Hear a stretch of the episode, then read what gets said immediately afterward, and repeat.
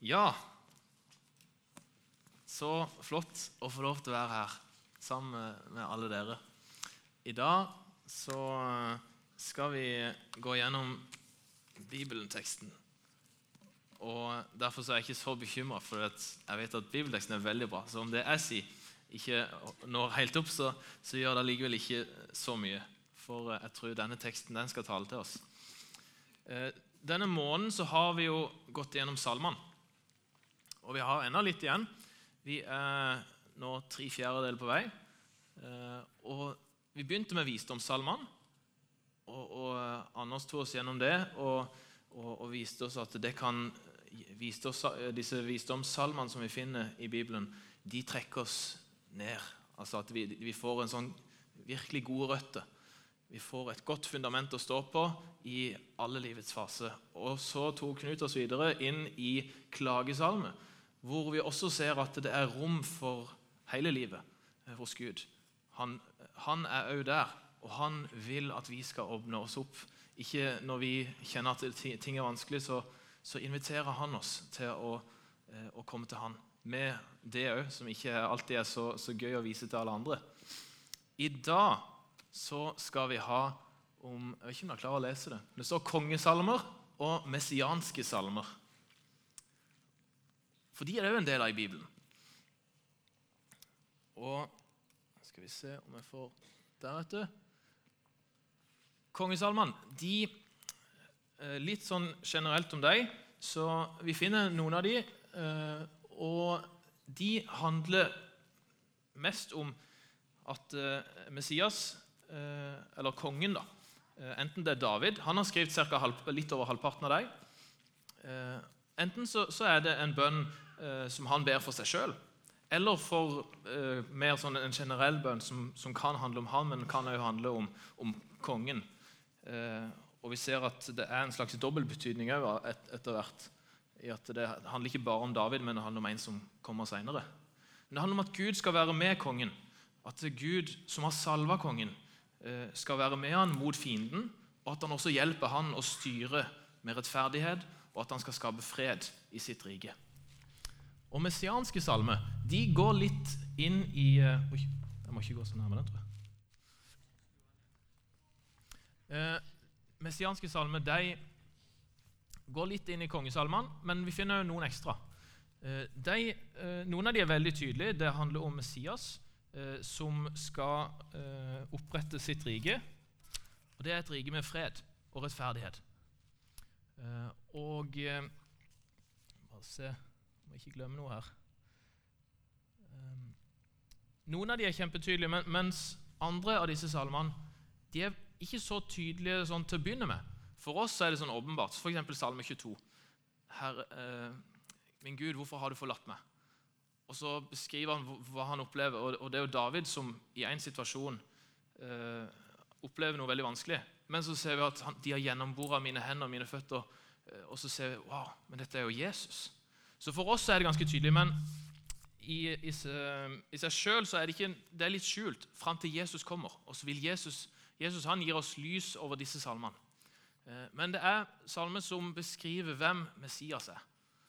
Eh, og som jeg nevnte tidligere, at disse salmene, de, noen av dem handler om helt konkrete situasjoner som f.eks. David befinner seg Men så ser vi også at det har en dobbel klangbunn. At eh, jo, det handler om, om Gud var med David da, men at det òg vitner om at det kommer en seinere som David er et forbilde på.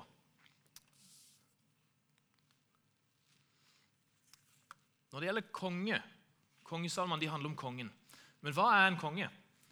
Jo, eh, det ordet det er litt interessant. Det betyr faktisk en sønn av en fornem mann.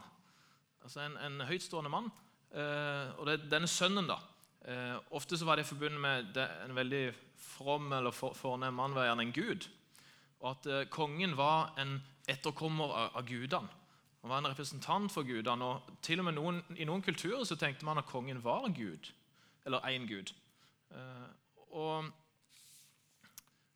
det som, Altså, Kongen var også både en representant for folket mot Gud, Men han var også en representant fra Gud til folket. Han skulle styre på vegne av Gud. da. Eh, og En konge var gjerne en som leda i krig. Han styrte landet i fredstid. Og så ser vi, Jeg synes det er veldig interessant å, å se i første Samuels bok. Der kan vi lese en, eh, en historie eh, hvor i kapittel 8 så har Israel har vært styrt av dommere fram til nå. Og Så kommer folket og sier for Samuel han begynner å bli gammel, og sønnene hans de gjør ingen god jobb. Så folket kommer og sier til Samuel vi vil ha en konge. Og Samuel er egentlig ikke så begeistra for det. Eh, for han sier men Gud skal jo være deres konge. Men så sier nei, vi vil ha en konge, for alle de andre folkene rundt oss har en konge. Og vi vil at en konge skal styre oss. Eh, og Så går han til Gud og så sier han, Gud, folk de, de vil ha en konge. Og så sier Gud Samuel, slapp av. Det er ikke det de har forkasta, det er meg de har forkasta. De vil ikke ha meg til konge, men jeg skal gi dem en konge. Men da skal du advare dem.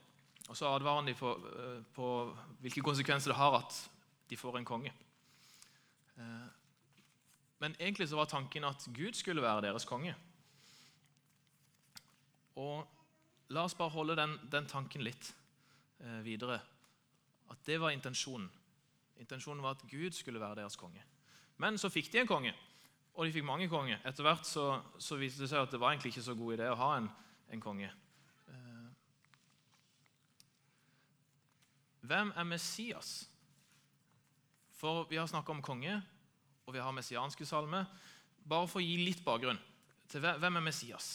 Eh, Messias, det er, vi, Ofte så sier vi jo Kristus. Det er akkurat det samme, bare at det er gresk. Eh, og, og det betyr 'den salvede', den som er salva. Og En som er salva, det var altså egentlig en seremoni som man gjorde. Da fikk man olje helt over hodet. Og Det var gjerne enten en prest som skulle i tjeneste for Gud, eller en konge. Eh, og når man fikk, eh, ble salva, så fikk, kom også Den hellige ånd over eh, denne personen for at den skulle være i stand til å gjøre den tjenesten en skulle gjøre. Og det er jo som hoved, hovedbegrepet. Messias betyr den som er salva. Og så etter hvert i Bibelen så får vi flere hint om at Messias det er ikke bare hvem som helst. Det er mange som kan være en Messias, en som er salva. Men det er òg én spesiell person etter hvert som trer fram. Og for så, så ser vi i, i, helt i begynnelsen, eh, i første Mosebok, i kapittel 3 Rett etter at eh, Adam og Eva har eh, falt, de har gjort imot Guds bud, så sier Gud til slangen som lurte dem, at eh, jeg skal sette fiendskap mellom kvinnens ett og din ett. Han skal knuse ditt hode, og du skal ramme dens hæl. Og Det er den første profetien vi finner i Bibelen om Messias. Neste gang så ser vi, eh, kan for nevne i, Helt til slutten av første Mosebok, i kapittel 49, så da er det Jakob som profeterer over sine sønner. Og Da kommer han til Juda, og der sier han Jeg kan finne det raskt her. Der sier han noe veldig interessant.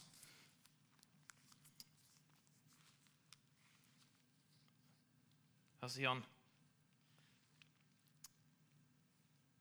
Septer skal ikke vike fra Juda eller herskerstav fra hans føtter, til han som eier den, kommer, han som folkene skal lyde. Vi får enda et hint om at oi, det, er en som kommer. Og han skal ha, han skal ha et septer, han skal ha herskermakt. Og det skal ikke forsvinne fra han. Han skal ikke miste det. Og Så kommer vi til 2. Samuel, kapittel 7. Det er også en, en veldig viktig tekst i, med, når det gjelder Messias. For der får nemlig David et løfte. Og Det er måte det grunnleggende løftet som man eh, får videre, eller som de holder på videre. For Gud sier nemlig til David da Din sønn skal jeg, eh, Hans trone skal jeg gjøre fast. Hva betyr det? Jo, at han skal få et kongerike som ikke skal kunne eh, inntas, ikke kunne ødelegges. Hans kongerike skal være fast til evig tid. Og jeg skal kalle han min sønn sier Gud.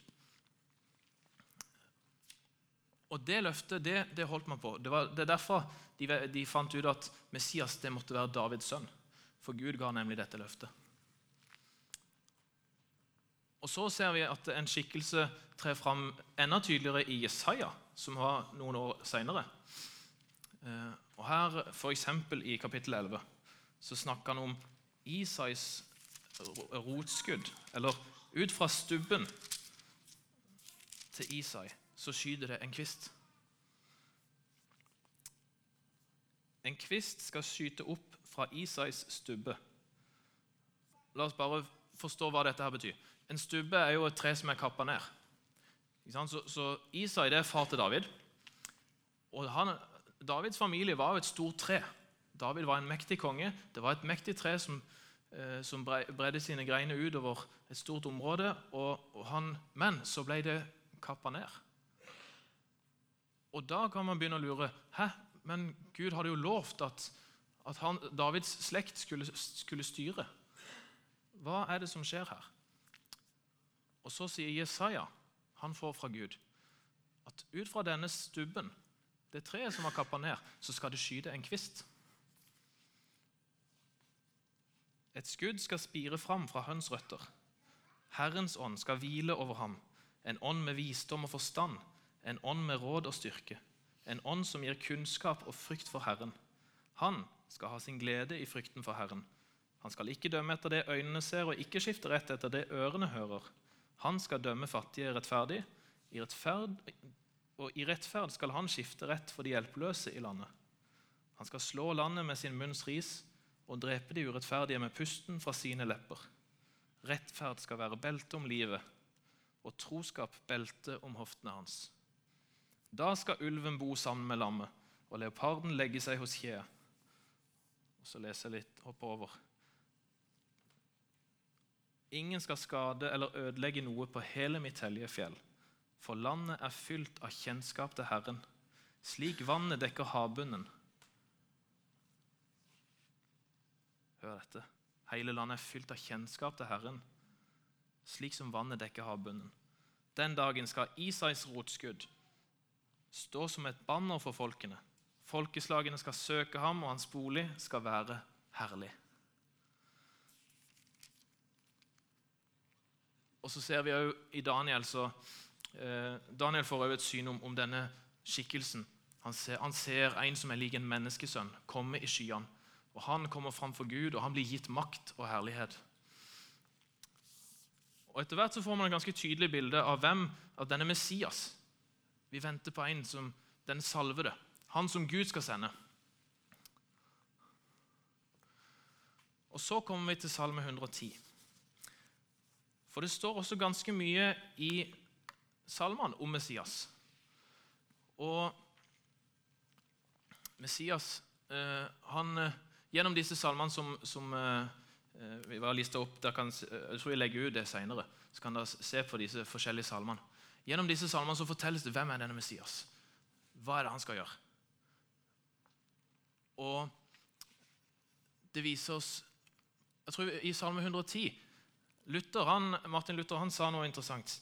Han trodde kanskje dette Salme 110 er den salmen som tydeligst viser hvem Kristus er. Og Det synes jeg var litt interessant, for når jeg leste den salmen første gang, så skjønte jeg ikke helt hva det egentlig var.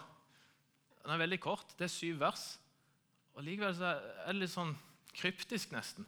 Det er så tettpakka med informasjon. Jeg skal prøve å legge fram noe av det da. Eh, men det som vi kan ta med oss fra denne salmen Jeg tenker det er tre ting. Det er at Jesus, eller Messias, da, som viser seg å være Jesus Messias han er sann Gud. Han er opphøyd overalt. Det er det første. Han er også prest til evig tid. Han er Guds mann til oss og vår mann framfor Gud. Og Den siste tingen er at han er den seirende kongen. Han vinner krigen og oppretter fred. Nå vil jeg vi skal ta og lese av David en salme.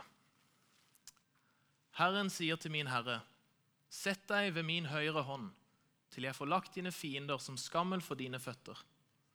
Fra Sion rekker Herren ut ditt mektige septer. Du skal herske blant dine fiender. Folket ditt møter villig fram den dagen du viser din kraft. Din ungdomsdugg kommer til deg i hellig prakt fra morgenrødens fang. Herren har sverget og angrer det ikke. Du er prest til evig tid på Melkisedeks vis. Herren er ved din høyre hånd. Han knuser konger på sin vredes dag. Han holder dom over folkeslag. Det er fullt av lik. Han knuser hoder vidt over jord. Han drikker av bekken ved veien. Derfor løfter han hodet høyt. Det er ganske kraftig ord, dette her. Og Vi kan henge oss opp i masse at å, det er masse lik her, og knuse hodet og hva, hva er det som skjer? Og det at han drikker, han drikker med, av bekken ved veien og løfter hodet høyt, hva betyr dette her? La oss gå steg for steg gjennom denne salmen. Jeg skjønte ikke helt hva, dette, hva det var snakk om til å begynne med. Og, så Jeg har forståelse for hvis dere er i samme situasjon, men det kan jo være at dere tar det som eh, raskere enn meg. Men av og til er det bra grunner på Guds ord òg, så jeg er ikke så bekymra for uh, at jeg ikke skjønte det med en gang. Altså Først så kan vi si det er en salme av David. Det er viktig å få med seg. Hvorfor det? Jo, fordi for det første, David var en profet. Han hørte fra Gud. Så da har vi tillit. Vi vet at David han, han hørte faktisk fra Gud, så det som han sier videre, det, det er bra.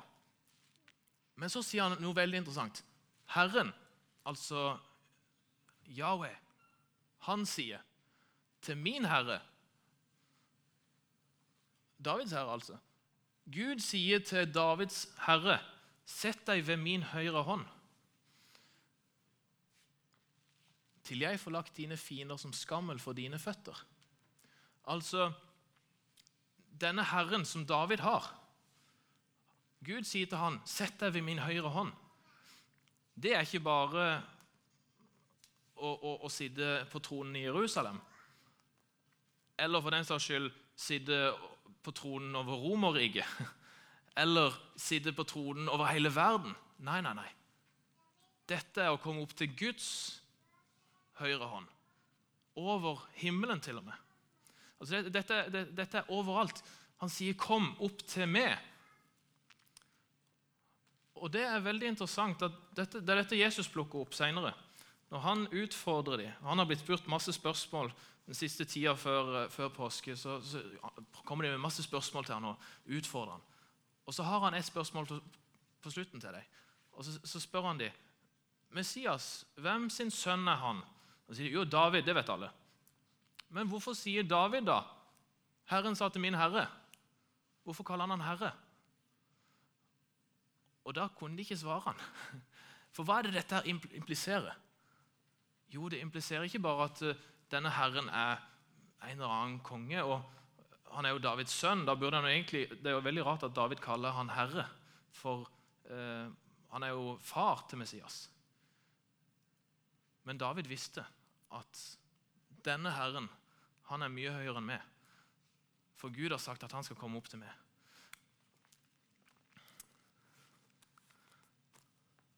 Og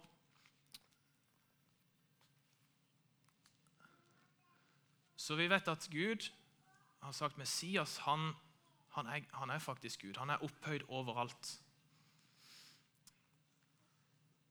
Så kan vi gå ned til, til det med Melkisedek. Melkisedek han var en interessant person. Han nevnes i første Mosebok. Abraham møter han. Og Melkisedek han, eh, det som er litt interessant er at I Hebreabrevet så tar han opp dette og forklarer hva, hva betyr det at han er prest på Melkisedeks vis. Jo, Melkisedek det betyr rettferdig konge. Og han hadde I Hebreabrevet sier han at han hadde ingen mor og ingen far. Og han, han er fra evig tid. Han har jo som ikke noen begynnelse og ingen slutt. Det står i hvert fall ikke noe om det. Og Forfatteren i Hebreabrevet bruker dette som en, eh, et bilde på Jesus. At, eh, fordi Israel hadde jo prester. De hadde Eh, prestedømme som var det levittiske prestedømmet, fra Levis stamme.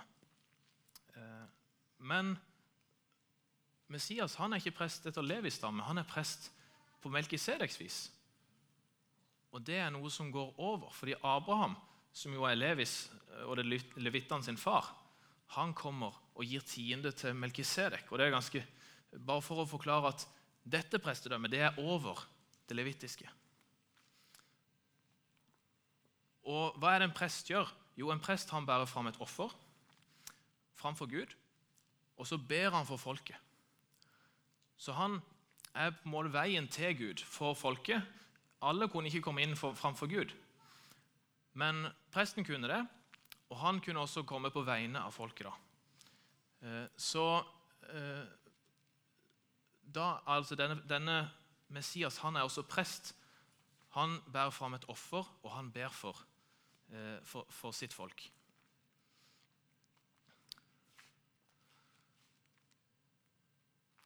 Og den siste tingen som jeg vil eh, få fram, det er at han er seierskongen. Og Det kommer vi til i disse versene her, fra 5 til 7. Herren er ved din høyre hånd. Han knuser konger på sin vredes dag. Sin vredes dag, hvilken dag er det? Andre plasser så, så, så kalles det Herrens dag. Det er en dag da Gud En dag så altså Det vil ikke bare fortsette i all evighet, dette her sånn som, sånn som verden er nå. En dag så sier Gud skal jeg komme og jeg skal dømme jorda. Jeg skal ta et oppgjør med ondskapen. Og da skal rettferdigheten seire. Og hva, Hvordan skal dette skje? Jo, Vi får faktisk litt innblikk i det gjennom uh, Johannes' åpenbaring. Og flere andre plasser. Uh, i Profetene de tar det opp både i Zakaria og Esekiel.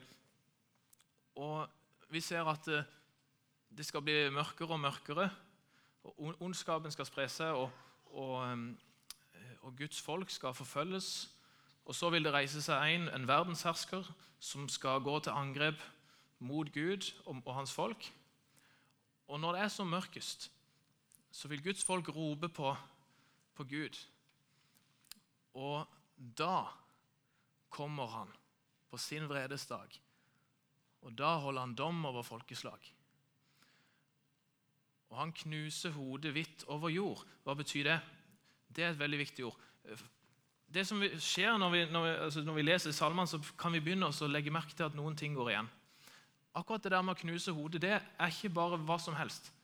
Det er et veldig spe spesifikt begrep. Og tilbake til første Mosebok.